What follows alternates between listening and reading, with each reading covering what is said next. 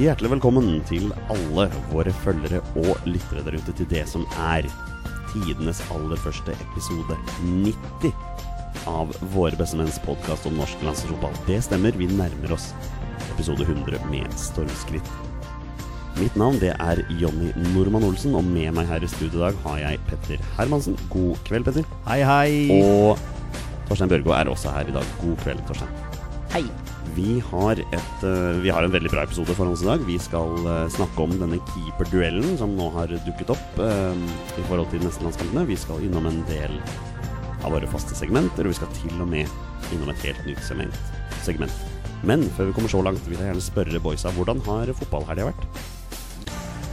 Um, skal jeg starte? Den har vært uh, helt middels. Den har vært helt middels. ja. middels minus, kan jeg vel si. Ok, Uh, Leeds uh, avslutta sin uh, ordinære sesong med å tape, klare å tape på Ipswich.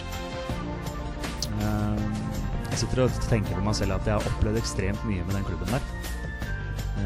Det har jo vært en ganske artig sesong, men den har avslutta veldig veldig svakt. Så nå er det jo playoff, da. Spygate mot eh, Derby. Så det blir spennende. Men dere begynner jo i hvert fall borte, da. Begynner borte. Har jo eh, 6-1 på Derby eh, sammenlagt eh, denne sesongen, så det skal jo være mulig. Men akkurat nå så er Leeds i fryktelig svak form, og det er ikke bra å ta med seg inn i playoff. Med tanke på at Leeds vet alt om Derby på forhånd, med tanke på Spygate, så er det ikke overraskende at man vant 6-1 sammenlagt, kanskje, men uh... Nei, det, det er jo Dro nok sikkert ekstreme fordeler av det. Men du har jo ikke trua, du, før denne playoffen. Nei, og det går jo på tidligere erfaringer. Nå har jeg opplevd eh, Leeds i tre playoffer. En playoff-finale mot eh, Watford, playoff til Premier League. Ganske kjapt etter at de rykka ned fra Premier League. Den tapte de 3-0. Så en eh, playoff-finale mot Doncaster i opprykkskamp fra League One. Den så vi sammen. Ja, den tapte Leeds. Og så en eh, playoff-semifinale mot Millwall, som de også tapte da sammenlagt. Eh, opprykk fra League One. Så ja, erfaringsmessig så ryker Leeds ut. Det, det skal jeg leve med, det òg. Du skal leve med det. Ja. Ja. Målinga 1-1. Ja. Ti mann i 30 minutter sier oss veldig fornøyd med det. Veldig urutinert av Abu, da. Å få to gule kort på to minutter? Han har hatt. En fryktelig svak start på sesongen. Ja. Så ja ja, da får blir det sikkert Israelsson eller noe sånt nå neste kamp. Det var en som skrev det på sosiale medier her, at etter at Abu fikk eh, kontrakt med Vålerenga, altså ikke på utlån, så har han virkelig ikke prestert. Er du enig i det? Han ser rett og slett litt sånn eh, ja, utrent og litt sånn halvferdig ut. Litt merkelig. Men eh, får håpe han spiller seg opp. Ja, men er du generelt fornøyd med ett poeng i Stavanger? Ja, i hvert fall sånn som kampen blei. Jeg syns Viking var bra, jeg. Syns de var mer offensive enn jeg hadde holdt på å si frykta. Så Adam Larsen Kvarasei gjorde en veldig bra match. Ja. Det er morsomt å si den setningen en gang iblant også, Ja, det, han, han fortjener eh, skryt når han holdt på å si, Han må få det når han fortjener det. og det skal han få. Yep. Torstein, ditt, eh, ditt kjære Liverpool De kjemper fortsatt med nebb og klør for å klare Premier League, men eh, det er klart du, ifølge våre samtaler, så har du gitt opp for lenge siden. Ja, men jeg sier til Petter her at han kan jo aldri gi opp. Eh, Han blir jo eh, motivert av åssen eh, det her går. Og hvis du skal være misfornøyd etter en sånn en sesong av 94 poeng eh, Og hvis Liverpool nå slår Wolverhampton, så er det først Altså det er det av 117 av 119 eh, ligarunder da, totalt i det engelske divisjonssystemet, så er det Altså da hadde du blitt seriemester med den poengsummen der. Eh, så når andre folk som holder med andre klubber, begynner å melde på Liverpool nå, så eh, ønsker jeg dem bare velkommen, og så kan vi se på tabellen, og så kan vi prate, for det er motargumenter på absolutt alle plan. Så det er bare hysj der. Eh, men eh, bare, bare prøve seg. Eh, Det er helt sjukt for øvrig å se på, den, på de, altså de kamprekkene til både Manchester City og Liverpool. Ja, men det, det er så imponerende fra begge lag. Og så det, det er helt vanvittig for et nivå de presterer på. Eh, kjempe, eller kjempekamp er det ikke mot Newcastle, men jeg var veldig spent etter at de tapte 3-0 mot Barcelona i Barcelona, som ga et fullstendig feil bilde på matchen. Men altså, fotball er ikke rettferdig, så det er jo sjarmen med fotballen, det, da. Uh, ja, nei, så da ble det seier i Newcastle. Det var uh, veldig bra. Uh, Sjølmål på slutten der, så det var uh, veldig fint. Og så vinner jo selvfølgelig City med et vanvittig langskudd fra Company nå i går. Så det er jo altså Jeg hørte det var noen som begynte å prate på at ja, typisk det at Company skal score nå, og ikke har gjort det på et langskudd siden 2007. Men så har det vært noen marginer for Liverpool i år òg. Origi mot Everton, seks minutter på overtid der. Det er, eh, det er mange sånne øyeblikk i løpet av sesongen. Også sånn der, det er nå helt likt, men eh, vi må et, det må et mirakel til. Skal jo løfte trofé til helga. Uh, Raufoss 0-0 mot Kongsvinger. Eh, helt greit resultat. Uh, Raufoss kanskje best i hele matchen, men eller gjennom hele kampen. Men dette er jo øya som ser, og så har Kongsvinger de to desidert største sjansen, som det er ganske utrolig at ikke skårer på. Bruker da to minutter av introen på å snakke om Liverpool, og 15 sekunder om Raufoss der, altså. Ja, men det er naturlig, det. Etter sånn åssen de ligger an. Og det Raufoss ja. kjemper om opprykk til Eliteserien, så det brukt motsatt. Så dette er helt naturlig. Sånn blir det til høsten, da, vet du. Når Raufoss skal kjempe om opprykk, og Liverpool akkurat har start av sesongen. Er du klar for en tur til eh, Nammo stadion med ditt kjære Vålerenga neste år? Eh? Petter? Uh, ja, er det der Raufoss spiller? Ja, men vi møtes i tredje runde i cupen. Gjør vi det? Ja, gjør vi det, ja? Ja, ja, ja Vålerenga skal slå ut Eidsvoll-turen, og dere ja, skal slå ut Fram Larvik. Det kan Fram, bli hardt nok, det. Å, la oss ikke snakke om cupen ennå, dere. Hva med helga ja, di, Fotballhelga, Olsen? Fotballhelga? Nei, jeg velger bare å si at Manchester United spilte 1-1 mot Huddersfield, og så snakker vi ikke noe mer om det. Uh, så du bruker altså tre sekunder om uh, Jo, men det er klart, jeg prioriterer jo norsk fotball alltid foran engelsk uh, fotball. Så vi skal bare snakke om Skeid når de vinner? Nei, vi kan godt snakke litt om Skeid òg. Skeid tapte 3-2. Da går vi videre. Nei da. Men 1-1 mot Huddersfield det er jo som et tap, det òg. Ja, selvfølgelig er det det. Ja, uh, men sesongen har vært på en måte over for lenge siden. Jeg, jeg hørte på en annen podkast som nevnte det at av de fire lagene som har kjempet om de Champions League-plassene Det var sånn De siste 15 kampene så har det vært sånn ni tap og fem uavgjort og bare to seire. Eller. For å ta Det er ingen som vil ha de nei, Champions League-plassene. For å ta landslagsrelevansen her. Ole Gunnar Solskjær har litt av en jobb eh, til neste sesong. Ja, det har han. Og nå begynner jo masse folk å messe om det her med at nei, kanskje ikke Mourinho hadde noe var så feil likevel, og Solskjær er så ræva og sånne ting. La han i hvert fall få sommeren da. ikke sant? La oss se hva som skjer der. Jeg er helt sikker på at Solskjær ser at det er ting som må skje. Og da må det få lov til å skje. Og liksom folk glemmer den der helt fantastiske starten Solskjær hadde, men det er klart, jeg er helt enig etter at han fikk eh, fikk eh, kontrakten, så har jo, så har det resultatene og spillet vært ræva. Men det er klart det er jo litt opp til spilleren nå, da. Ja, og De sier jo at spillere har en så sinnssyk makt i den garderoben der at det er, eh, det er helt vanvittig. Ja, han må røske litt opp. Ja, det er mye, ja. mye som skal ut der, altså. Men altså, Mourinho han var ferdig uansett. Da. Det var ingenting som tilsa at han skulle fortsette. Og nå tar han rett over klubben til Kristoffer Ayer? Ja, det er snakk om det. Celtic, ja. Men jeg vil gjerne snakke litt om Skeid, ja. ja. Selv om de selvfølgelig tapte, da. Eh, sånn, sånn, går det når du ikke møter opp til kamp de første ti minuttene og ligger under 2-0. Da, da, vinner du ikke kamper.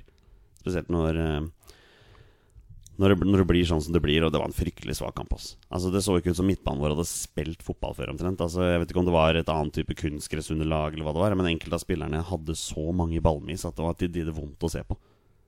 Så hadde fortjent tap. Men å tape på, på, en måte bare 3-2 mot Ullkisa, det må nå være Altså Resultatet i seg sjøl må være godkjent på en elendig dag. Ja, da, tydeligvis. det som er litt sånn at liksom, Hvis du ser kampen sett under ett altså, Greit, vi taper fortjent, men det var ikke sånn at Ullkisa var flere hakk bedre enn oss. Det var de ikke. Det var liksom, de var veldig gode de første ti minuttene, og så var det for så vidt en jevn kamp etter det. Så det er klart Ullskisa har noen gode spillere der, og, men det, det, tror jeg vi har òg, altså. Og til helga er det Skeid Raufoss. Da er det, det, er det Raufoss Skeid. Kommer til å koke. Nei, unnskyld, Skeid Raufoss, må jeg si. Riktig. Ja, er det ikke Skeid Raufoss? Jo, jeg sa Raufoss Skeid først. Det er ah, ja. feil. Det er jo Skeid Raufoss på Obos idrettspark Nordråsen Nordre Åsen. Ja. Når, er, det er det søndag klokka seks? Søndag klokka seks. Ja, det blir nok Ranheim-Vålerenga på meg, dessverre. Det, men uh, jeg skal tenke på dere. Det har jeg full forståelse for. Skal vi, skal vi, kjøre videre med Poden Boys? Ja, la oss gjøre det. Kjør! Da gjør vi det. Og den er lur! Og det er mål! Og det er Frank Strandli. Dette har ofret seg mye for laget som skårer. Og det etter vel 14 minutter. Petter, det har, eh, det har, begynt å koke litt rundt denne keeperplassen på det norske landslaget. For her har det skjedd veldig mye de siste dagene. Eh, hvis du skal ta en eh, kort oppsummering om hva det egentlig som har skjedd her. Det begynte jo med Rune Jarstein som har meldt forfall pga. skade.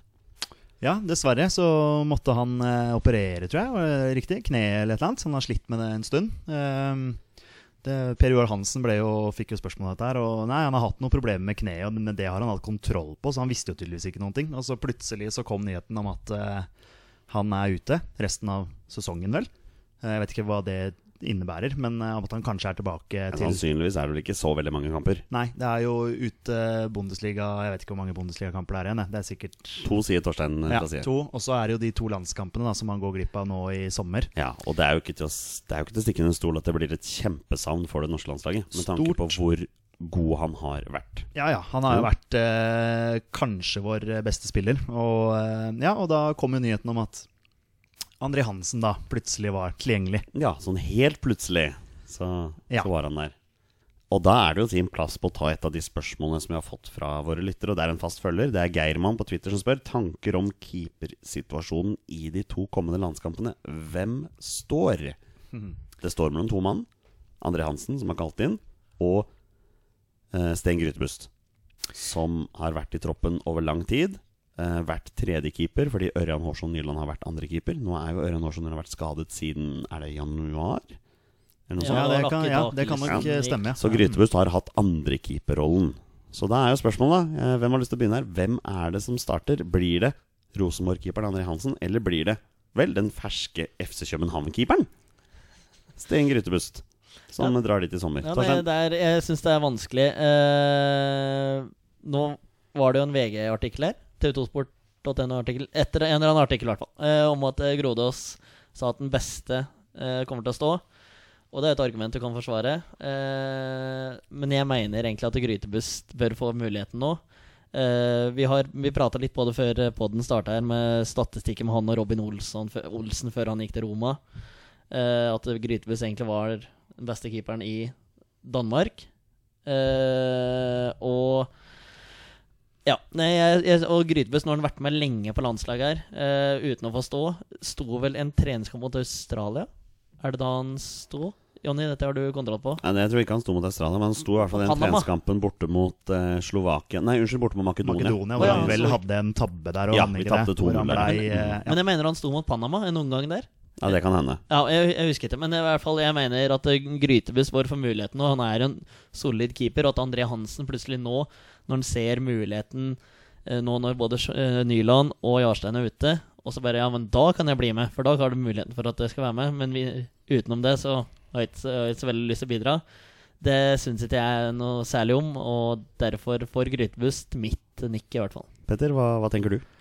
Jeg syns jo Torstein oppsummerer det veldig godt. Jeg syns jo det i utgangspunktet er eh, feil å takke nei til landslaget. Eh, jeg tenker at André Hansen eh, setter seg sjøl i en sånn posisjon at «Å, jeg er så mye bedre enn de andre, og jeg bør stå, osv. osv. Jeg tror det er x antall spillere som er med i den troppen der, som føler at de er bra, men som ikke får spille, men som allikevel er med og bidrar i gruppa. Og det har ikke André Hansen gjort. Eh, Så nå skal han plutselig komme inn, og, ja, for nå ser han at det er mulig å stå. Eh, Jeg ville gitt den til Grytebust. Eh, Og nå er det godt skussmål for Grytebust også, som blir da signert til FC København, som vel er Nordens største klubb. Kan vi si det sånn? Ja, vi kan vel nesten si det. Ja, Vi kan vel ikke snakke så høyt om Rosenborg akkurat nå. Så, så det at han blir henta dit også, viser jo at han er en, en bra keeper. Rosenborg har nettopp gått forbi Ranheim på tabellen sin. Må bare fortsette å klatre, da, før det kan bli størst her. Det er aldri jeg bare bryter inn, men det er, al altså, det er aldri noe Altså, André, Hans, André Hansen, fantastisk bra keeper. Det er jo ikke det det handler om i det hele tatt. Det bare handler om det der at du, du prioriterer på en måte bort eh, landslaget litt, så det er ikke jeg så veldig fan av. Men den gangen André Hansen valgte å takke nei til landslaget, så var det jo for så vidt ålreite grunner han la til vekk. At det var, ble veldig mye tid borte fra familien, han var i gang med en utdanning. Det var liksom veldig mye sånn reisetid da for å sitte på benken. Det er jo grunner man på en måte kan forstå, men samtidig ikke helt forstå. For det, det er jo andre spillere som også må sitte på benken på disse, på disse landskampene. Ja, og det, jeg syns du, du skal belønne Grytebust litt, da. Og jeg syns ikke Grytebust eh, sånn kvalitetsmessig, da, i og med at han da har gått til FC København Jeg tenker at det er kvalitetsstempel i seg selv. Eh, og at han også ble nevnt i denne sammenhengen da Robin Olsen, som Torstein sier, ble henta til Roma. Hvorfor henta man ikke Grytebust? Han hadde en eh, bedre redningsprosent, og han har vel blitt kåra til eh, Danmarks eh, beste keeper også, eller den beste keeperen i Danmark. Så, så at han, eh, han er en bra keeper og fortjener eh, sjansen nå, det, det syns jeg absolutt. Og så føler jeg at det her er litt sånn at André Hansen tenker at eh, Nei, jeg får bare dra ned til Oslo og spille disse to kamper. Altså Nå er det en bort- borte- hjemmekamp, er det ikke det?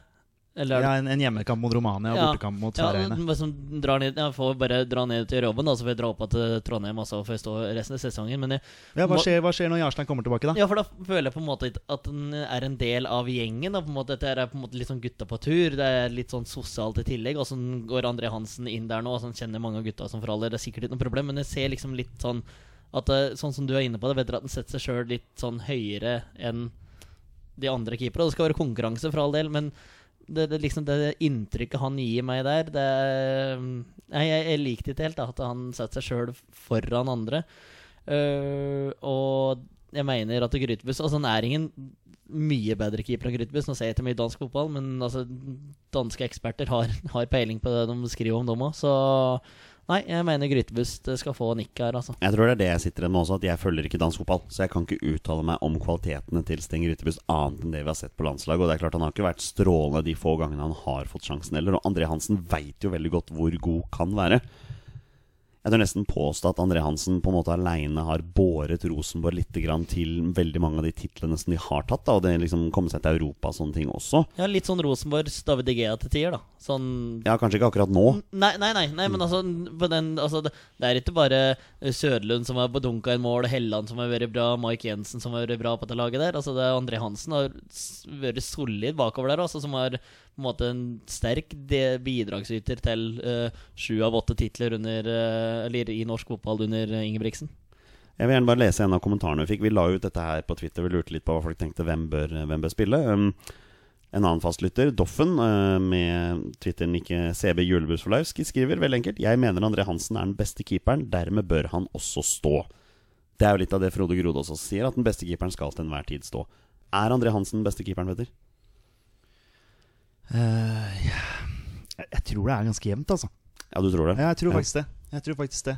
Eh, nå er det som du sier, man, man ser mer av André Hansen og, og det han har gjort for Rosenborg, både i Norge og når de har spilt europaspill, har jo vært strålende. Han har vært eh, fantastisk. Men det er, jeg tenker også at det er en grunn til at Sten Grytebust ble henta av eh, FC København også. Han har gjort sakene sine veldig bra i, i Danmark. Og så ser du at uh, Grytebust blir, tar steg oppover i Danmark. Det er ingen interesse for André Hansen i utlandet. Sjøl om den er prestert over tid Er ikke det litt spesielt? Ja, det er veldig rart, men det her er jo på en måte for meg nok et argument for at Grytebust kanskje da er en bedre keeper enn André Hansen, når han har karriere, altså en utvikling i Danmark. Går fra Ålesund eh, til Danmark, og så altså, vi klatrer til den største klubben i hele Norden. Så André Hansen har ikke vært inn, har ikke vært interesse for den i det hele tatt. Så da er det Ja, nei. Eh, da er jeg fort Grytebust den beste keeperen. Men- Utenom at jeg har sett dansk fotball. Men tror dere André Hansen nå takker ja til landslaget for å sitte på benken? Nei, det er nettopp det. Da. Jeg satt og tenkte litt på det der. Altså, er det sånn at eh, han hentes inn nå fordi han får lovnad om å spille de to matchene? Er det derfor han hentes inn nå? Det syns ikke jeg er riktig. Noen bør stille landslagsledelsen dette spørsmålet. Ja, ja for, det sånn det, for det er jo det som er Ja, Du blir henta inn nå, men det er ikke noe automatikk i at du eh, spiller de to matchene. Det syns jeg er helt, helt greit. Men jeg vil ikke at det skal være sånn at han føler på det at yes, nå er to keepere ute, nå kommer jeg inn og jeg kommer til å stå de to matchene. Sånn skal det ikke være. Men de sier det skal være konkurranse mellom de to, da Grytebust og, og Hansen. Og at den beste kommer til å stå. Og da regner jeg med at de ser hvordan de presterer på samling. Men samtidig er jo det ikke til å stikke under en stol at de to landskampene som kommer nå, er ekstremt viktige. Ja. Eh, vi må sannsynligvis vinne begge to Ja, vi må det. for å komme oss videre. Um, tror, du da, tror du André Hansen hadde takket ja hvis dette hadde vært to kamper vi ikke hadde hatt noe å spille for? Tror du han hadde blitt spurt om å få delta? Ja, bra spørsmål. Det er eh, vanskelig å vite. Jeg eh, Nei, tror faktisk ikke det. Nei? Hva tenker du, Torstein? Nei, men jeg tenker bare litt, bare litt tilbake der At uh, hvis det blir sånn nå at André Hansen blir henta inn for å stå Eller han blir henta inn for å sitte på benken Hvis han blir henta inn nå for å stå, hva tenker Sten Grytebust da? For at Hva er det som skal til for at jeg får spille en obligatorisk landskamp? da Når førstevalget, Jarstein, er ute, Nyland er ute, da er det jo jeg som er neste rekka da. Og så kommer Og jeg har vært med å bidra hele ja, veien. jeg har vært jeg har vært en del av den gruppa der hele en veien. del av hele gjengen. Og så kommer det en eh, fyr fra Rosenborg som bare Ja, vet du hva, vi har han her, vi. Så vi henter inn han. Så da er du egentlig fjerdekeeper på landslaget, da. Altså, Da hadde jeg vurdert sånn, vet du, da gidder ikke jeg være med på dette hemmer, jeg. Når jeg aldri i nærheten får sjansen. Så nei. Nei, For sant? Hadde André Hansen vært en del av den troppen her hele tiden, så hadde det vært mer naturlig at han skulle stått nå. Selvfølgelig. Ikke sant? Så jeg er helt, helt enig med deg. og, og hva hvis André Hansen nå kommer inn i troppen? Står disse to kampene her, så går sommeren, så er Rune Jarstein tilbake, er førstevalget. Hva hvis André Hansen blir tatt ut da? Skal han takke nei igjen, da? Ja, Da takker han sikkert nei, da. Ja. Er det rette måten å gjøre det på? Jeg syns ikke det. Nei, jeg synes ikke Nei, det og da skjønner jeg hvis Sten Grytbust gir Ja, da- seg på Ja, landslaget. da hadde jeg skjønt hvis skrytet. Jeg er helt enig med Ja. deg. Det syns jeg er en god grunn, fordi du har jo hele tiden venta på sjansen din. Ikke sant? Du, du går gradvis nærmere og nærmere, og nærmere så kommer det bare inn en fyr som har takka nei til landslaget. Ah, nå skal han plutselig spille. Jeg syns det blir helt feil. Selv om André Hansen kanskje i utgangspunktet er den beste keeperen. Kanskje i utgangspunktet. Kanskje i utgangspunktet. Det er vanskelig å si, egentlig. Nå har Grytebuss tatt steg her. Ja, det, det er visstnok snakk om André det. Hansen ja. er på stedet hvil sånn i Rosenborg. Ja, han er nok den beste keeperen i Eliteserien. Men nå møtes jo disse to keeperne sannsynligvis på treningsfeltet med Norge. da Eh, Frode Groda skal sikkert også være med og ta en vurdering der på hvem som skal stå. Det blir jo veldig spennende å se om de kniver veldig godt om den plassen på, på disse treningene, eller om det kanskje allerede er bestemt hvem som skal stå. da Det er ikke godt å si, Nei. men eh, det blir, blir høyinteressant. Og nå er jo ikke André Hansen tatt ut ennå. Altså, det er, ikke, det er jo ikke tatt ut en tropp her. Nei, men han kommer vel sannsynligvis til å bli tatt ut. Sannsyn, sannsynligvis. Ja. Og da blir det veldig spennende, for da kommer nok pressen til å stille spørsmål. Ja. Hva hvis Ørjan Nyland hadde vært friskmeldt? Hva hadde Ja, skjedd da? ikke sant? Hadde André Hansen blitt uh, Det, spurt da? det handler jo om spilletid og form og sånn, da. Det spørs jo sant, eh, når han hadde Om han hadde spilt Fasten Villa osv. Så, videre, og så, videre. så det Det er er mye sånn dersom at det visste at det. Velkommen til Hate og Tate med meg, Torstein Bjørgo. Vi ruller på videre med dagens podkast. Jeg sa ruller, det var ikke det jeg mente, men vi kjører på videre med dagens Jeg podkast. syns det er helt innafor å Ja, rulle så videre. Ja, ja. Vi er på Heit eller teit med Torstein Børge. Og Torstein, hva er Heit eller teit med Nei, med må vi ta gjennom den en tur til? Vi tar den hver gang. Hva er det for noe? Nei, det er Hvis det er noe landslagsrelatert som jeg har uh, funnet i dag, eller fått hjelp fra mine gode hjelpere her, eh, som har en relevans i landslaget, og den kan være syltynn, så det er den til tider. Eh, og den kan eh, være eh, veldig sannsynlig, som mange andre òg har eh, tenkt over her, da. Og det som er like spennende hver uke, er jo da om Torstein har med seg tre heite og tre teite.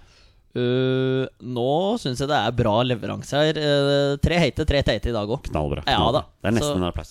Ja, men det er, uh, er sterkt. Hvor vil du begynne? Nei, det Spørsmålet er hvor dekk vil begynne. Nei, nei, som vanlig, dette er din spalte. Det er du som styrer showet. Ja, vi vi, skal bare starte- sitte her for å Ja. diskutere det du har å komme med. Høre hva du sier. Uh, vi pleier å starte med tre teite, så derfor starter vi med tre heite uh, i dag. Men vi starter jo nederst på hate-lista. Uh, det har vært mye å plukke i. mange tips. Men vi starter jo med at Ståle Solbakken er seriemester for åttende gang med København. Gratulerer, Ståle. Yes. Ståle Salvatore. ja, her er vi i gang, og vi kan òg ta med sånn uh, Altså, vi har jo flere som er seriemestere her. Kristoffer Ayer har vi. Uh, Gyasahid. Ja. Det kom tips fra Hermansen.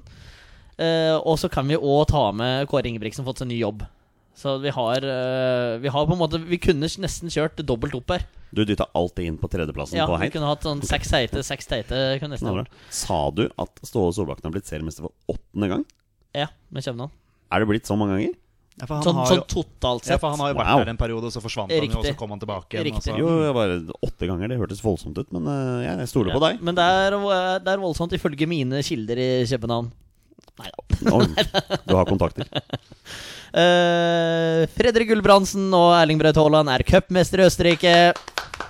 Det du mye applaus her. Ja, det er, det men det er, det er mye å plukke i. Det er, eh, jeg har så mange gode hjelpere rundt omkring. Altså. Sesongene nærmer seg slutten, så det er mye, Det er mye trofeer og ting som skal deles ut. Ja, Men Det det er er jo gøy når det er nordmenn som er involvert. ja, ja kjempeartig. Så jo det fine bildet på sosiale medier her med Gulbrandsen og Haaland i garderoben, da som poserte stolt. Og det blir jo veldig spennende å se hva som skjer med Ra eh, Red Bull Salzburg da nå til sommeren. Med tanke Ja. på spillere som skal bort og Ja, men vi hørte jo forrige uke med Paco at storskårer Dabor går til Sevilla. Så da eh, er det vel en, var det en innfasings- og innkjøringsperiode for Braut Haaland dette halvåret her, og så Og Gulbrandsen kanskje til Tyskland. Ja, det er jo det er prat, prat på mye rart. Uh, nummer én, uh, ingen tvil, Martin Ødegaard. Månens spiller i Nederland. Uh, der òg blir det jo veldig spennende til sommeren. Det blir Hva ekstremt det spennende. Det er jo snakk om Ajax nå. Det har vært veldig mye prat på det, og det er bud som er akseptert, og det er bud som er lagt inn, og ditt og datt, men det skal vel ikke stole på alt som blir skrevet. Men uh, det er vel sannsynlig at det, det blir en Ajax-tur på godgutten vår. Så dette er um, veldig, veldig positiv uh, start på denne hate og tate i dag, altså. Jeg husker jo for et par år siden når dette, dette Monaco-laget som lekte i Champions League her med alle de der som spillerne nesten ingen hadde hørt om før. Fabinho, Bakayoko, Mbappé, LeMar, liksom hele den gjengen der. Bernardo sånn- Silva. Bernardo Silva, ikke minst. ikke sant? Det var sånn der, ja Og den sommeren så forsvant alle sammen rundt omkring. Det er litt sånn det blir med Ajax nå i sommer også. Ja, men det er noen Hvor forberedt på. skal liksom alle de Ja, og det er det som er så kult da med Ajax, med tanke på at de bare Nei, vi bare henter opp noen gutter. Og vi kanskje henter vi en Martin Ødegaard på to års lån. Ja, men, det, bare, ja. men det går jo ikke sånn dere altfor bra. Altså, han Kasper Dolberg har ikke hatt noen voldsom utvikling i Ajax. Eh, Justin Kluivert gikk til Roma. Har ikke vært noe sånn der voldsomt eh, prat på det heller.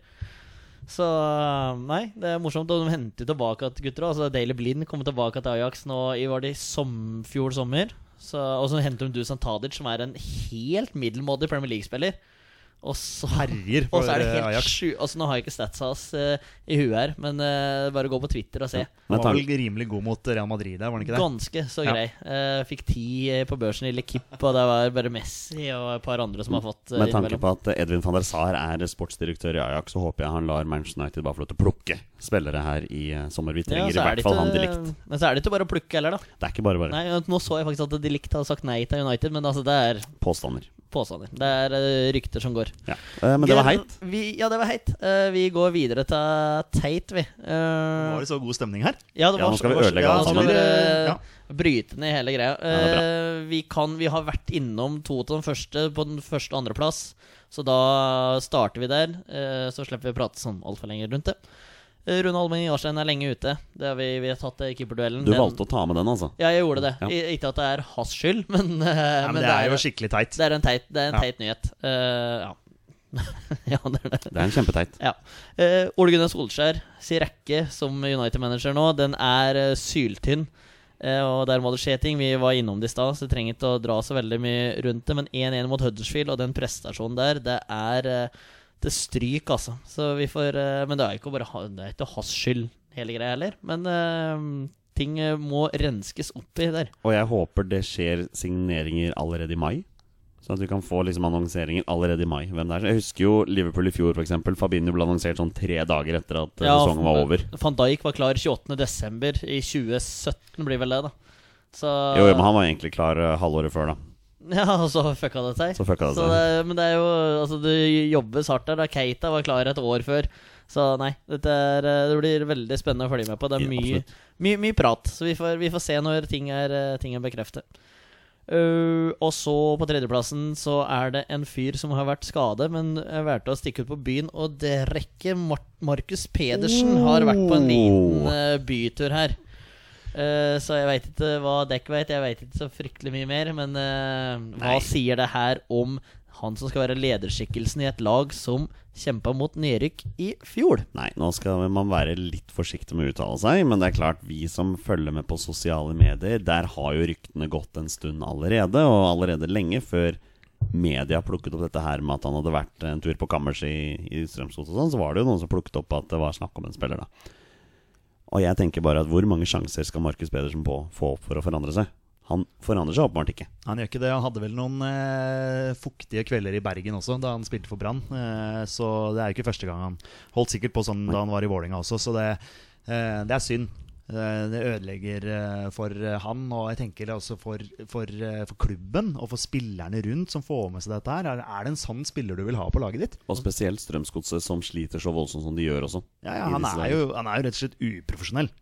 Og så er det, ja, så er den litt sånn, en sånn type fyr som jeg har lyst til å ha på lands... Eller ikke på landslaget, men, på- men på laget mitt. En sånn fyr som går for en tøff og uh, forferdelig fyr å spille mot. Litt sånn Flamur Ja, ja. Kastrati-type. Så, sånn, men det er, det er gjentatte Ja, sp ting. spillertypen er jo Ja. helt altså, Det er jo en Ja, altså fjor herlig spilletype. Ja, når han flyr ut på banen på Nadderud der og skal være med og slåss der. Ja, ja. Og så, jeg vet, Gud veit hvor mange gule kort han har. Altså, det, det er noe hele tiden ufint. Men det er, ikke noe, det er ikke noe tvil om Markus Pedersen er jo en sånn spiller du vil ha med deg i krigen. Ikke sant? Kjemper du for å unngå nedrykk, eller sånt, så er Markus Pedersen en herlig spiller som går foran. Men du må jo sette et eksempel utenfor banen også. Du er et forbilde. Du kan ikke holde på sånn som det der. Det var vel snakk om noe greier oppe i Kollen også. Mm. At han eh, var ute etter noe slåssing der. Nå skal ikke jeg eh, si det helt eh, sikkert, men jeg tror det. Eh, så ja, det har vært mye rundt han nå. Ja, og så er det Eh, noe ja, Sorry, men også er det noe med å være en tøff spiller og være en ufin spiller. Det er en balansegang der, og for meg så altså, Han har et litt sånn drittsekkstempel over seg. Da. Og det er du kan være en positiv drittsekk, litt som Flammer Kastrati, og du kan være drittsekk-drittsekk. Og det er litt i den kategorien jeg føler Markus Pedersen havner, da. Og dette her er jo på en måte nytt, på en måte Kall det bevis, da, men eh, et eksempel jo på det. Han viser jo at uh, det holder ikke bare å ha talent. Du må ha de rette holdningene utenfor også, og der feiler han stort. Ja, han gjør det. han gjør det du, eh, du, så Martin Andresen for eksempel, var jo en sånn type spiller som var en sånn drittsekk på banen. Jeg tror ikke han var det utenfor banen. Flamur Kastrati slår meg som en sånn Ja, en drittsekk-type på banen. Men jeg tror ikke han er det. Han er uh, en kjempefyr Ja. utenfor banen. Mm. Det, det har jeg seriøse ja, ja, Ja. Du kjenner han jo litt fra Skeid. eh, Ja, det er kjenner folk som kjenner ham veldig godt, og han Ja. er en kjempefyr. Ja. Ja, han er, sånn er jo Hamar-gutt, og jeg har mange som er Jeg er hjemgal med han sjøl. Markus Pedersen, Du er på Markus, du nå, ja. ja. Å, ja, hvem Vi er på? Flamer, vi nå. Flamer, å, ja, Flamer er ikke. Hamar-gutt, Nei, nei, nei, nei, Han er men, Oslo- han er Oslo-gutt. Han men, men Markus Pedersen har får veldig mye ros sånn er utafor banen. Liksom livlig fyr og sånn. Men så har du liksom flere eksempler på, på ting at det skjærer seg litt, når kanskje det er eh, litt seint og litt eh, mer enn bare cola og urge i glasset. Ikke sant. Nei, men uh, tusen takk for Heitler Teite, Torstein. Du, du leverer som vanlig. Ja, men jeg får eh, litt hjelp, da, så dette her er uh, morsomt. det Jo, men det er til syvende og sist Det er jo du som må uh, sortere det er et, ut alle disse vi tipsene. tar et, det er et møte på kammerset før vi går inn i studio her. Så nei, dette her var, uh, dette var ukens utvalgte. Ja, jeg vet ikke om jeg vil kalle det et møte på kammerset, men du kan gjerne si det hvis du vil. Skal vi, skal vi kjøre på med litt påstander, boys? La oss gjøre det. Da gjør vi det. Og der kan det være mål igjen! Og det er 2-0 over Brasil! Og det er Flo som skårer, og vi leder etter 16 minutter! 2-0 over Brasil! Da er vi i gang med dette segmentet vårt som rett og slett heter Påstander, fordi vi fortsatt ikke har fått noen, eh, noen forslag til nye navn fra våre følgere og lyttere. Men Petter, du syns jo navnet Påstander er helt greit. Det syns jeg er veldig dekkende. Ja. Vi eh, snakker påstander. Ja, Vil du fortelle hva påstander går ut på? Nei, Vi kommer med en landslagsrelatert eh, påstand. Uh, ja. Og så skal vi egentlig diskutere den. Yes. Så enkelt er det. En av oss kommer med en påstand, de to andre skal diskutere om den påstanden Om de er enige eller uenige med den påstanden. Ja. Torstein Bjørgo, vi begynner hos deg i dag. Ja, vi gjør det. Den er grei. Du er jo åpenbart den som er best forberedt på dette segmentet i dag. Selvfølgelig, det burde folk uh, ha fått med seg nå. Uh, påstanden er som følger at Alexander Sørloth sin karriere i en Premier League-klubb er over nå til sommeren. Uh, han finner seg en ny arbeidsgiver, og det er det siste vi har sett av han i Premier League. Hvordan har det egentlig gått med Alexander Sørloth i Belgia? Det har blitt litt stille. Ja, litt stille, men han spiller, tror jeg. Han spiller, jeg, jeg, jeg spiller. tror han spiller en slags kantrolle, eller jeg tror ikke han er liksom midtspissen. Ut ifra formasjonen jeg, som jeg ser på livescore og flashscore, så er det 4-2-3-1 med han til høyre. Ja. Slår meg ikke som en typisk kantspiller. akkurat. Nei, men Du kan spille med en slags kantspiller som vi gjorde med Jostein Flo på landslaget. Ja, det er for så vidt sant. Ja, det Så sant, det. det kan være når han har en sånn rolle. Jeg har ikke sett én kamp, men det har blitt litt stille med på målepoengsfronten eh, med assist og goller. Men eh, tror vi får starte jevnt og trutt, så er det nok eh, gutten eh, gjør, gjør sakene sine bra, da. Ja, Men eh, karriere i Crystal Palace, den er ferdig til sommeren. Ja, jeg velger å si meg helt enig uh, med den påstanden der. Jeg tror han har forspilt sine muligheter i Crystal Palace, og jeg tror han blir solgt i sommeren. Enig. Jeg forstår veldig godt uh, påstanden din. Uh, Sørloth selv har jo sagt at han skal tilbake til Crystal Palace, og har ambisjoner om å fortsette karrieren sin der. Og det er bra. Ja, ja, ja, en god, god innstilling, og han har jo uh, tydelig fått uh, selvtilliten tilbake, sånn som vi etterlyste. Vi var jo ganske tidlig ute her i Våre beste menns podkast og si at uh, Alexander Sørloth må bytte klubb, fordi han er ikke tjent med å slite benk i Premier League, og hadde jo selvtillit på bunnivå. Eh, tydeligvis på vei opp. eh, har gjort eh, sakene sine bra. Han har i hvert fall skåra noen mål og hatt noe assist. Eh, har ikke helt oppdatert meg siden sist, men jeg er helt enig i påstanden din. Nå eh, kommer det opp noen eh, lag fra championship. Kanskje de er interessert i en spiss og har lyst til å gi han tillit. Det kan hende at eh, Premier League-karrieren kan fortsette, men kanskje ikke i Crystal Jeg, hå Palace. jeg håper det. Jeg håper på en måte tar feil, men uh, ja, jeg tror jeg får rett. Ja, nei, Vi virker å være begge to enige, så bra påstand. Ja, jeg kjøper den. Ja. Absolutt. Men kjøper vi Petter Hermansen sin påstand i dag, med andre? Ja, apropos spisser. Eh, beholder han eh, skåringsformen sin, så skal Ohi være med i neste landslagstropp. Den er jo interessant. Den er kjempeinteressant. Torstein, jeg begynner hos deg. Ja, gjør det bare kast den til meg, du. Bare sittende og stirre på hverandre. Eh, ja, nei, men jeg tenker eh, påstanden er relevant og fin, for all del. Eh, men så eh, vil jo landslagsledelsen se åssen disse lagene presterer ute i Europa. Altså Vi husker Super-sesongen til Kristoffer Sakariassen. Han presterte gjennom en hel sesong i Eliteserien. Eh, presterte òg i Europa, og var enda ikke i landslagstroppen. Derfor tror jeg at eh, Ohi må han bøtte inn helt vanvittige mengder med mål i Eliteserien, eh, som han for så vidt er i gang med. eh, og fortsette med det ut i Europa. Jeg tenker at Hvis OI skårer et, snitt, et mål i snitt nå på de få rundene som er før neste landslagsstopp, så selvfølgelig skal han få være med i vurderingen, men, Ja. men jeg tenker også hvem skal ut? Altså Hvis, hvis vi skal ha plass til OI, hvem skal ut? Skal Tariq ut? Skal Ola Kamara ut? Uh, vet ikke hvordan det går med Ola Kamara nede i Kina for øvrig, så det er litt vanskelig å si om han har spilt seg ut heller. Det er liksom eh, argumentene for disse eh, Rosenborg-spillerne som er med. F.eks. Even Hovland. da ikke sant? Ja, Han spiller for Rosenborg, som er beste klubben i Norge. Ja, ok, eh, Rosenborg per dags dato er ikke den beste klubben i Norge. Det er Molde det som er den beste klubben i, i Norge. OI spiller for den beste klubben i Norge og er toppskårer der. Eh, eller jeg vet ikke faktisk om han er Jo, han er, må jo være Ja, det er vel Magnus Eikrem som Ja, er kanskje det er Eikrem som er toppskårer. Fem mål på OI? Nei. Ja, det, Ja, men jeg lurer på om Eikrem har seks. Eikrem ja, seks. Ja, ja, han, er- men, han, han er snart toppskårer Ja. der. Eh, så, så det er liksom sånn det der med å ta med formspillere på landslaget. Da. OI har jo vært innom Han spilte vel en omgang mot uh, Var det Sverige? Ja, og i Ja. juni er det to år siden. Ja, ikke sant? Uh, jeg tenker liksom Sånn som jeg, jeg egentlig har påstått hele veien, er at du må spille for Rosenborg i Norge for å komme deg med på landslaget. Men per nå er ikke Rosenborg det beste laget i Norge. OI spiller for det beste laget i Norge. Mm. Derfor så bør han være nærmere en landslagsplass. Ja. Og vi har, vi har snakka om dette her med at uh, han og han og han er jo iskald for tiden. Han skårer ikke mål. Ja, vi har jo en som skårer mål. Nei, jeg er, ikke, jeg er ikke uenig. Jeg skulle gjerne likt å sett han i troppen. Absolutt. Ja, eh, men jeg, jeg bare tviler på at det kommer til å skje. Det er bare det som er at jeg ville prata inn Zakariassen her og Fredrik Gulbrandsen, for så vidt, som til dels er levert i Østerrike. Men innom, men allikevel impact player som har skåret der. Skåra mot Napoli i Europaligaen og var veldig nære borte mot Napoli. Eh, men, og han lurer òg sjøl på hvorfor i all verden har ikke fått noen telefon. Så derfor er det på en måte Jeg er uenig i påstanden din, men argumenta dine er jo veldig gode. Men det er på en måte samme argumenta som jeg hadde med Sakariassen og Fredrik Gulbrandsen. Men det skjedde ingenting der, så derfor er jeg uenig. Ja, du får én enig og én uenig denne gangen, Petter. Ja, jeg, jeg, jeg kjøper det absolutt det du sier der, eh, Torstein. Jeg tror egentlig ikke at han kommer med. Men jeg vil at det skal være sånn. Du spiller for den beste klubben i Norge. Eh, mens da du tar med benkeslitere fra ligaer som, som ikke er så veldig mye bedre enn norske ligaen. Uh, snakker om uh, belgisk fotball. Ja, det er bedre enn norske. Ja, det, det, den, den kjøper jeg. Men så mye bedre er det ikke å sitte på benken i Belgia, f.eks., kontra å spille fast i Eliteserien og putte jevnt og trutt. Apropos altså Bjørn Mars Johnsen. Ja, ja. Der er det prater om iskald. Han var, Ja. var forfrøssig til de grader. Altså, det er helt moi i Southampton. Prater Ja. på hva som skal skje til sommeren. Ja, det kunne vært en påstand. eh, Og Gud veit hva, eh, hva Jonny har, men uh, altså Ja, Det kan også bli en interessant Ja. diskusjon etter Det får vi ta, ta seinere. Det får vi ta senere. Nei, men da er vi én enig og én uenig. Ja. Da skal dere få lov til å diskutere min påstand, og den er som følger. Norges A-landslag for herrer taper ingen flere kamper i 2019.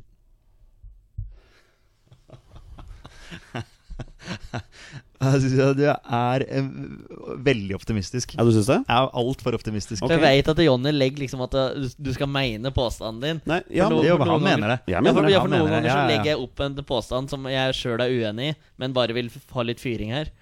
Uh, Jonny mener jo det her. Ja, jeg er enig. Uh, ja. Jeg tror, jeg, tror, jeg tror vi slår Romania. Jeg tror vi slår Færøyene. Så er det Sverige borte. Og Sverige kommer til å tro at de kommer til å vinne den kampen veldig greit, men Norge kommer til å ha en helt annen inngang til den kampen enn de, hadde, enn de hadde nå sist. Nei, de kommer til eh, Lagerbäck eh, lærte noe av den første kampen her. Han kommer til å legge en helt annen type angrepsplan til den kampen.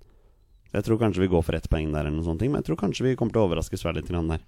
Jeg syns vi til tider ble såpass overløpt sentralt på midtbanen av eh, Sverige på, på hjemmebane at ja, jeg kan godt kjøpe den at Lagerbäck forhåpentligvis har lært av den matchen. Og det er sterkt å skåre tre mål mot Sverige, men det var fryktelig hvordan vi uh, slapp til sjanser der. Men det er derfor jeg tror han kanskje legger om til fem til Ja. akkurat den kampen. Og at du også har trua på at vi eh, unngår tap mot Spania. Ja, det, det, jeg tror ikke det trenger å Den, være Vi var ikke eh, langt unna å ta vi, poeng vi i var ikke det. Vi var ikke det. Eh, men allikevel så sto vi igjen med null. Eh, og det, er- det handler jo om den, den kvalitetsforskjellen som er Spania versus Ja, og selvfølgelig er det en stor kvalitetsforskjell, men Ja. jeg tenker at hvis vi først skal ha én landslagstrener som skal vite hvordan man skal klare å ta poeng mot et sånt landslag, så er det rette mann sitt ved roret. Det er nesten sånn at jeg har mer trua på poeng hjemme mot Spania enn borte mot Sverige. Ja, jeg skal akkurat til å si det, Ja, faktisk. fordi det er ja, så, Sorry, du skal fortsette etterpå, Nei, er Petter. Men, men når Sverige gjorde om formasjonen sin og fikk indreløper, back og kant,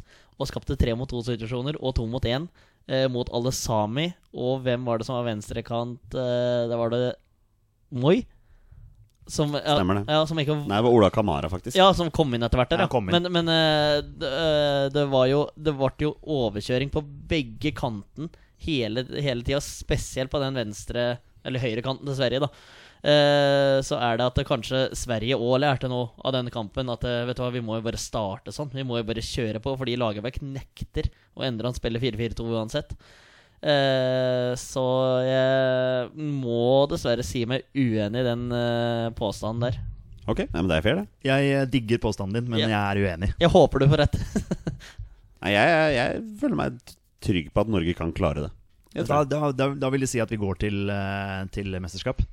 Ja, det vil jeg tro. Ja. Um, jeg vet ikke hvor mange uavgjort man klarer. Man sikkert vinne noen kamper òg, men, Ja.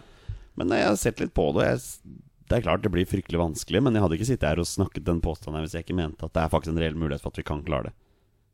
Stuss, og det er mål! Norge leder 1-0 etter vel sju minutter. Og da var det Ståle Solbakken som var sist på ballen, i tilfelle hans første landslagsmål i hans eh, 19. opptreden for Norge. Før vi går videre til eh, neste segment, som er et helt nytt segment, så har vi fått to spørsmål fra våre følgere som vi skal ta. Og den ene følgeren er jo vår alles kjære vikar her i Våre bestemenn. Det er Jarda Birkeland som spør eh, Sjokoladebamsen. sjokoladebamsen. Alt mulig. Kjært barn har mange navn. Skal jeg prøve på en imitasjon, eller? Nei, det skal du ikke. Du, har- du, fått- du har fått kjeft for det. Jeg fikk så mye ros at det der eh, Jardar spør eh, tanker rundt den sentrale midtbanen. Eh, Berge skadefri og tilbake, i banen, eh, tilbake på banen i Belgia, og Selnes har putta litt til Kina. Bør Berge inn med tanke på at Henriksen og Selnes gjorde en noe svak opptreden forrige samling? Dette har vi vært inne på før. Ja da, og så skal man ikke legge så mye til grunn den Spania-kampen, tenker jeg, da. Det, I utgangspunktet tenker jeg at det er sånn kamp man taper nesten ti av ti ganger borte mot Spania. Eh, hvis vi ser litt mer på Sverige-kampen, så nevnte jeg akkurat i stad at jeg syns vi ble litt overløpt på midten, sentralt på midten. Eh, og at vi kanskje mangler den der ryddegutten da, som jeg mener Sander Berge kan være. Eh, som, eh, ja, som har disse klyvene med ballen og ro med ballen. og vinner tilbake ballen. Og jeg syns jo han er en sentral midtbanespiller som bør dyrkes og spille fast på landslaget. Det burde vært plass til alle tre, er det jeg tenker. Det burde vært plass til både Sander Berge, Ole Selnes og Markus Så Henriksen. da må vi endre system. Da må vi endre system. Det vet vi at de ikke får. Men det, det er jeg sikker på at Jardar Jardar har jo sagt det her før òg. Jeg er sikker på det egentlig vil fram til òg. At vi, i hvert fall i den Sverige-matchen, så burde vi hatt enten en leder på banen som sa fra at vet du, det her funker ikke. Vi må ha en til ekstra inn her. Eller en på sida som ser det der. Uh, vi har prata om vi, Når vi recappa om den Sverige-matchen, så prater vi om akkurat det samme. Eh, så ja, for all del. Uh, de fikk kjørt seg en sentral midtbane mot eh, Spania og Sverige. Men jeg, jeg tviler egentlig på at Lagerbäck bytter ut Henriksen og Selnes. Nå er det jo Selnes i Kina, og han legger ut en video på Instagram i ny og ne om at han banker inn både den ene og den andre kula. Så dette der har jo landslagsledelsen mer kontroll på enn noen av oss, med tanke på hvordan Selnes gjør det i Kina. Uh, men uh, jeg ser for all del poenget, og det er det som er luksusproblemet når Berge kommer tilbake igjen. Uh, hvem skal ut, hvem skal inn? Og som du sier, Jonny, at jeg og jeg vil ha 4-5-1 med de tre gutta inne sentralt. Og i tillegg har vi en kaptein som er kantspiller, som ikke fungerer som en kantspiller, og kanskje også vil ha noe å si for at du kom inn på midtbanen. Ja, han nå kunne fungert inne sentralt der, men Han scora i helga, forresten. Ja, det gjorde han. Mot, ja. borte mot Derby, var det ikke det? Ja. Stefan Johansen Men altså. siden det er West Bromwich han spiller mot, så er han sikkert på benken eller tribunen neste gang, da. I playoffen mot, I eh, mot. Aston Villa. Mot Aston Villa, ja. Um, men uh, neste spørsmål kommer fra vår uh, faste lytter, Stenjek. hei. Uh, Stenjek, han vil snakke forsvar, han. Han uh, spør litt uh, tynt i bakre rekker. Uh, Nordtveit og Rosted spiller nesten ikke. Tore Reginussen er heller ikke sikker, og Meling er skadet. Hvem kan starte? Nordtveit er jo helt ute i kulda hos Scott Parker i Fulham. Men han starter jo. Mot No- Romania, Ja, det tror jeg. Det tror jeg. Men altså, nei. dessverre. Sett Sander Berge som midtstopper, da. Ja, ja men Ja, altså han spilte ja, midtstopper i Vålerenga òg. Ja, Ja, ja, han Altså- spilte der òg. Ja, hvorfor ikke? To sterke karer, ballsikre karer som Ja. må gå framover med ballen også. Ayer Ayer er jo selvfølgelig altså, Ja. han, han, Ja. han er førstemann på Ja. blokka akkurat nå. Jeg har jo kommet med en påstand om at Tore Gunnesen har spilt sin siste landskamp for Norge, så han er jo ikke med i vurderingen. Nei, men det kan hende. Det kan, kan absolutt hende. Vi får se neste, neste uttak. Og Men, eh, men apropos dette her med å eh, ta med spillere fra det beste laget i Norge. Eh, du har et Molde-lag som Ja, de slipper ikke inn mye mål. De slapp vel inn tre mot Glimt her. Det var jo en, en liten en liten mine. Men Molde Jeg tror de har sluppet inn seks mål, eller noe sånt, så de, de, de er jo ganske solide, solide bakover. Der har du vel et par, muligens. Vi har vel snakka litt om han godeste Martin Bjørnbakk. Bjørnbakk. Ja. Eh, Ruben Gabrielsen spiller back. ja, liksom, ja, men liksom, Hvorfor skal f.eks. Even Hovland bli tatt ut i en tropp? Ja, vet du, Det reagerer jeg på og nå. ikke Bjørnbakk, eventuelt Hvis- nå, da. Hvis Hovland er med nå framfor en Molde-spiller her nå for eksempel. Ja, det reagerer jeg på hvis Ja. det her uh, skjer. Altså Greit nok med kontinuitet, men du må fanken ha folk som presterer. Mens Stenek spør hvem skal starte. Det blir Nordtveit Ajer. Ja. Det, det blir jo det. Ja, Det blir blir ikke Birger Meling på venstre, da, kanskje? Det blir i hvert fall Ayer. Eh, og så spørs det jo med Tore Reginiussen, selvfølgelig. Jeg syns jo Tore Reginiussen er fantastisk, og han er jo en, en bauta for Rosenborg. Eh, og jeg håper jo, og krysser fingrene for at han fortsatt eh, takker ja til landslagsspill. Eh, og at han eh, kan være med og bidra, på, bidra med flagget på brystet. Og eh, Reginiussen Ayer er jo min sånn favorittsammensetning da, på, på landslaget. Omar spiller høyrevekt, det er jeg i hvert fall enig om. Ja. Ja. Og så er det hvis Birger Meling er ute, så er det vel Haitam som går inn der, da. Ja. Mener, du, mener du kantspilleren Birger Meling? Spilte Ja, venstre kant, her mot uh, Sarpsborg. Og så var han vel inne på midten når han spilte 0-0 mot Strømsgodset. Ja, var, ikke, var ikke Valsvik også ganske Vals- høyt oppe i banen Valsvik her for uh, Rosenborg? ja. Men, men Valsvik var back sist nå. Kanskje det er han som Mm, ja. kommer inn på venstrebekken mot uh, Romania? Ja, ja, Det blir i hvert fall reaksjoner på. Ja, nei, det er Simen Jukler òg, som det snakkes mye om her. Ja, det, er- det er jo også en. Det er også en. Ja. Nei, men uh, sånn som det ser ut akkurat nå, så er jo Omar på høyre bekk. Så er det Ayer, og for meg er det Reginiussen. Men det blir, men det blir Nordtveit. Det blir Blir sannsynligvis Nordtveit. eh, Ja. Det er jo litt synd. Og så blir det Haitam på venstrebekk. Ja, nå veit ikke jeg åssen Haitam eh, gjør det, men uh, altså Ja. Men det er vel svaret på spørsmålet, det. Ja. Det er det. Så bra. Da skal vi debutere et helt nytt segment.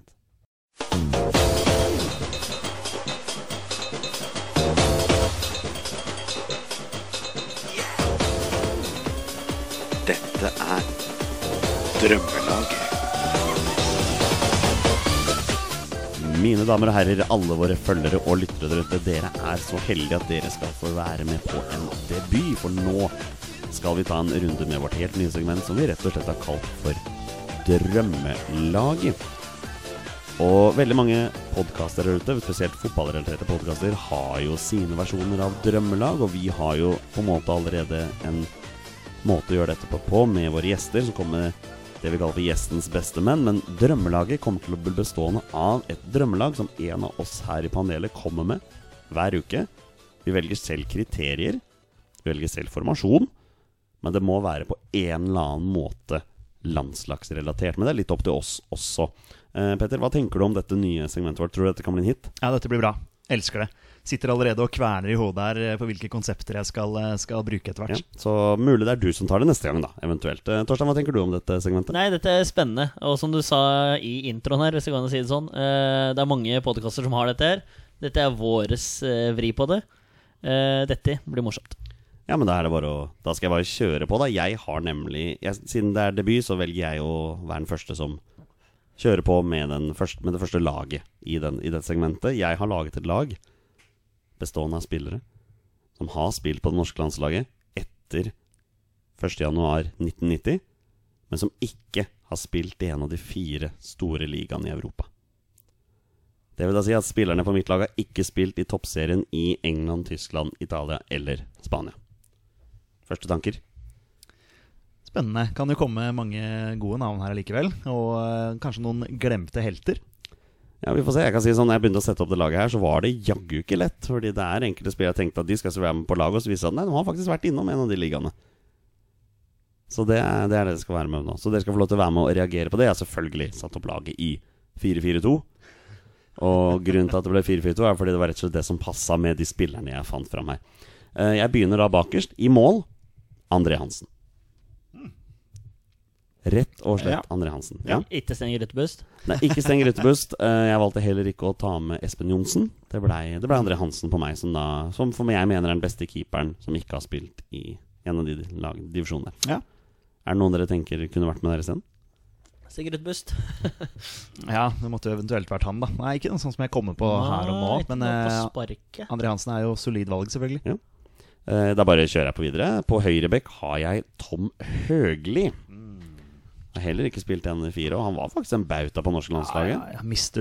Reliable, er det ikke det man kaller han? Eh, er, eh, han kan du stole på. Ja, Har vel ennå ikke tatt Cristiano Ronaldo ut av lomma etter den landskampen i Portugal der, da. Ja, den husker jeg godt. Jeg husker den, ikke sant? Ja, det var eh, moro. Da var han god. På, på venstrebekk har jeg Martin Linnes. Jaha. Ja, også litt sånn Mr. Reliable. Ja, ja, absolutt. absolutt uh, fin, uh, fin fyr. Egentlig tenkt å ta med meg André Bergdølmo på den plassen men han har selvfølgelig spilt for Borussia Dortmund. Ja, ikke sant. Så han ble ikke med der. Det er klart den, eh, det midt, Midtforsvaret her har vært litt uh, tricky. Uh, jeg har valgt å ta med Erik Hoftun.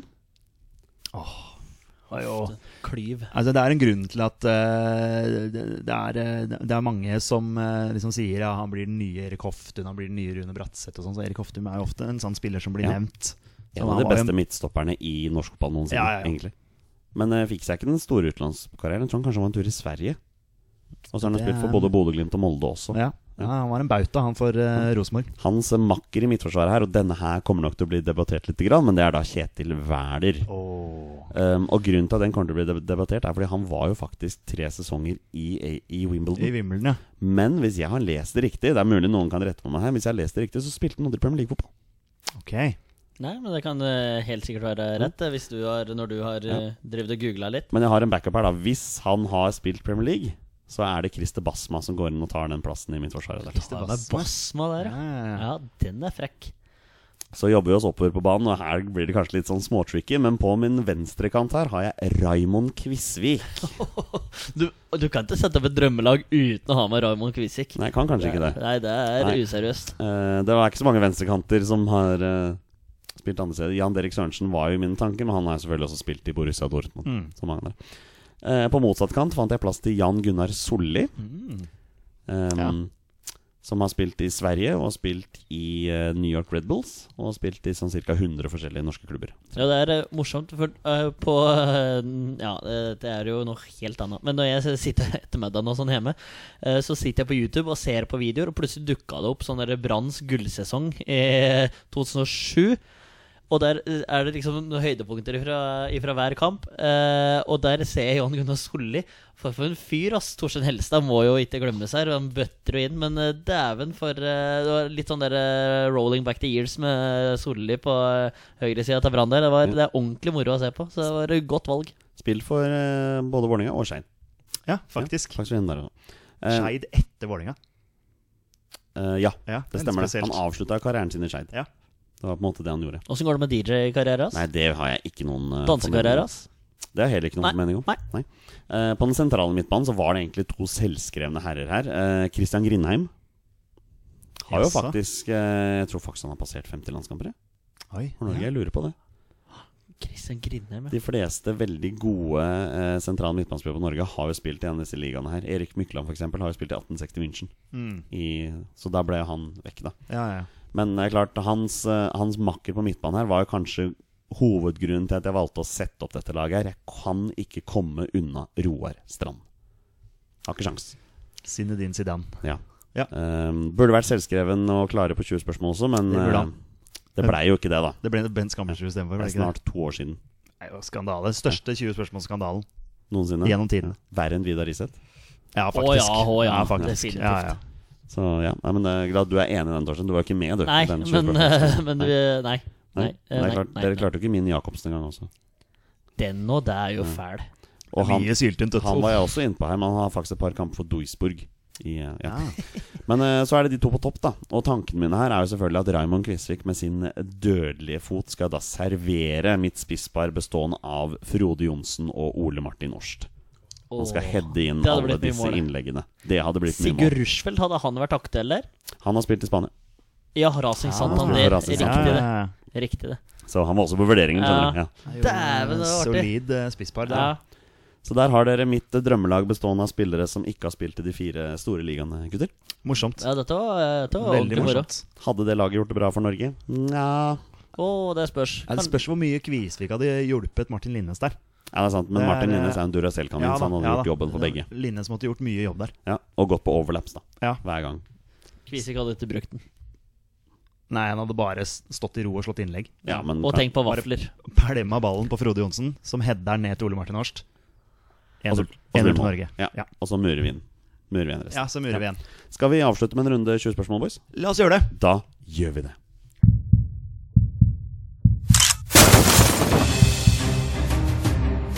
Er han nåværende landslagsspiller? Er han utenlandsproff? Er han fortsatt aktiv?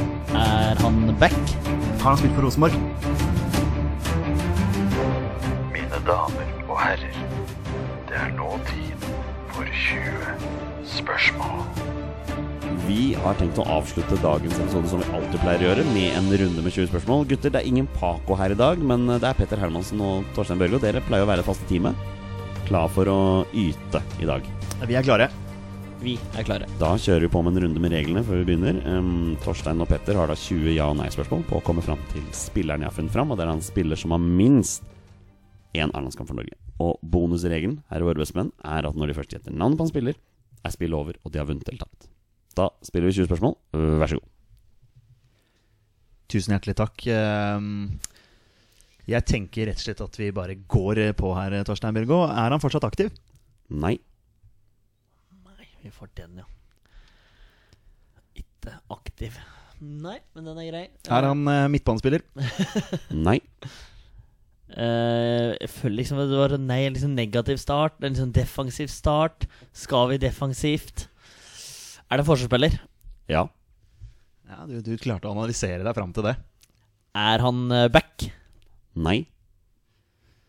En ikke aktiv midtstopper. Ok. Greit. Hvor går vi videre nå, Bjørgo? Uh, mest kjent for karriera si? Er det der vi går allerede nå? Eller uh, hva er det du tenker? Ja, om han er mest kjent for karriera si i en eh, nåværende eliteserieklubb, f.eks.? Ja. Bare for å Ja. sprite opp ting litt. Mm. Vil du prøve den, eller? Er han mest kjent for karriera si i en nåværende eliteserieklubb? Nei. Hadde vi fått ja på den, så hadde det vært gull. Men eh, nå er vi jo Han kan jo fortsatt ha spilt i Eliteserien. Ja, men uh, vi sa jo eliteserieklubb. Det kan jo være en nåværende Obos. Ja da, det klubb. kan det absolutt, uh, absolutt være. Så da blir jo litt sånn Norge relevant. Ja, skal vi, skal vi prøve oss på om han er mest kjent for karrieren sin i Norge? Ja, Vil du, det er vil du dit? Tenkte det. Ja, ja. Er han mest, mest kjent for sin karriere her hjemme i Norge? Ja. Ok, så da er vi nede i. Obos eller i eh, Post Nord. det. Det er litt sånn som Ja, Ja, skal vi gå for den? Altså, spiller denne klubben nå Den som er mest kjent for i Obos? Skal vi prøve oss der? Skal vi prøve oss der, ja. Spiller denne klubben uh, i Obos-ligaen, altså den som han er mest kjent for? Nei. Vi skal Oi. til Post Nord for andre uke på rad. Oi! Skal vi bare gå rett på det, da? Og så bare dobbeltsjekke at det er Post Nord?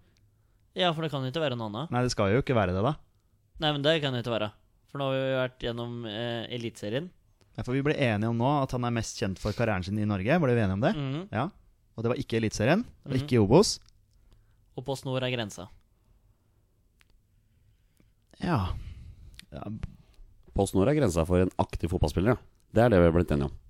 Det er grensa for en aktiv fotballspiller, ja. Da ja blir skal vi bare eh, kontrollsjekke det? da blir du Da gjør du det. Jeg Vil at jeg skal Ja, gjøre du det? gjør er det. litt sånn usikker på Ja, for du, du kan formulere etter. Jeg kan ja, vi trenger ikke. gjøre det verre enn å bare spørre Er uh, denne klubben en Post Nord-klubb? Nei. Oi. Lyn? Uff, ja. Lyn? De spiller i Norsk Tippingliga, gjør de ikke det? Er det ikke det det heter? Jo, det er til tredjedivisjon, ja. Ja.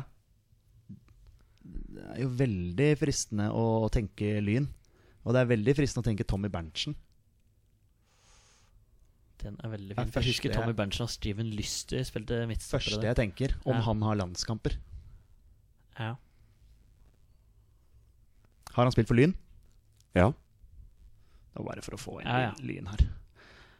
Det er første jeg tenker, altså. Her er jeg helt blank. Ja, men eh, Han jobber i Vålinga nå, faktisk. Gjør han det, ja? Mm. Eh, jeg vet ikke om jeg kan spørre om det. Om Jonny veit det.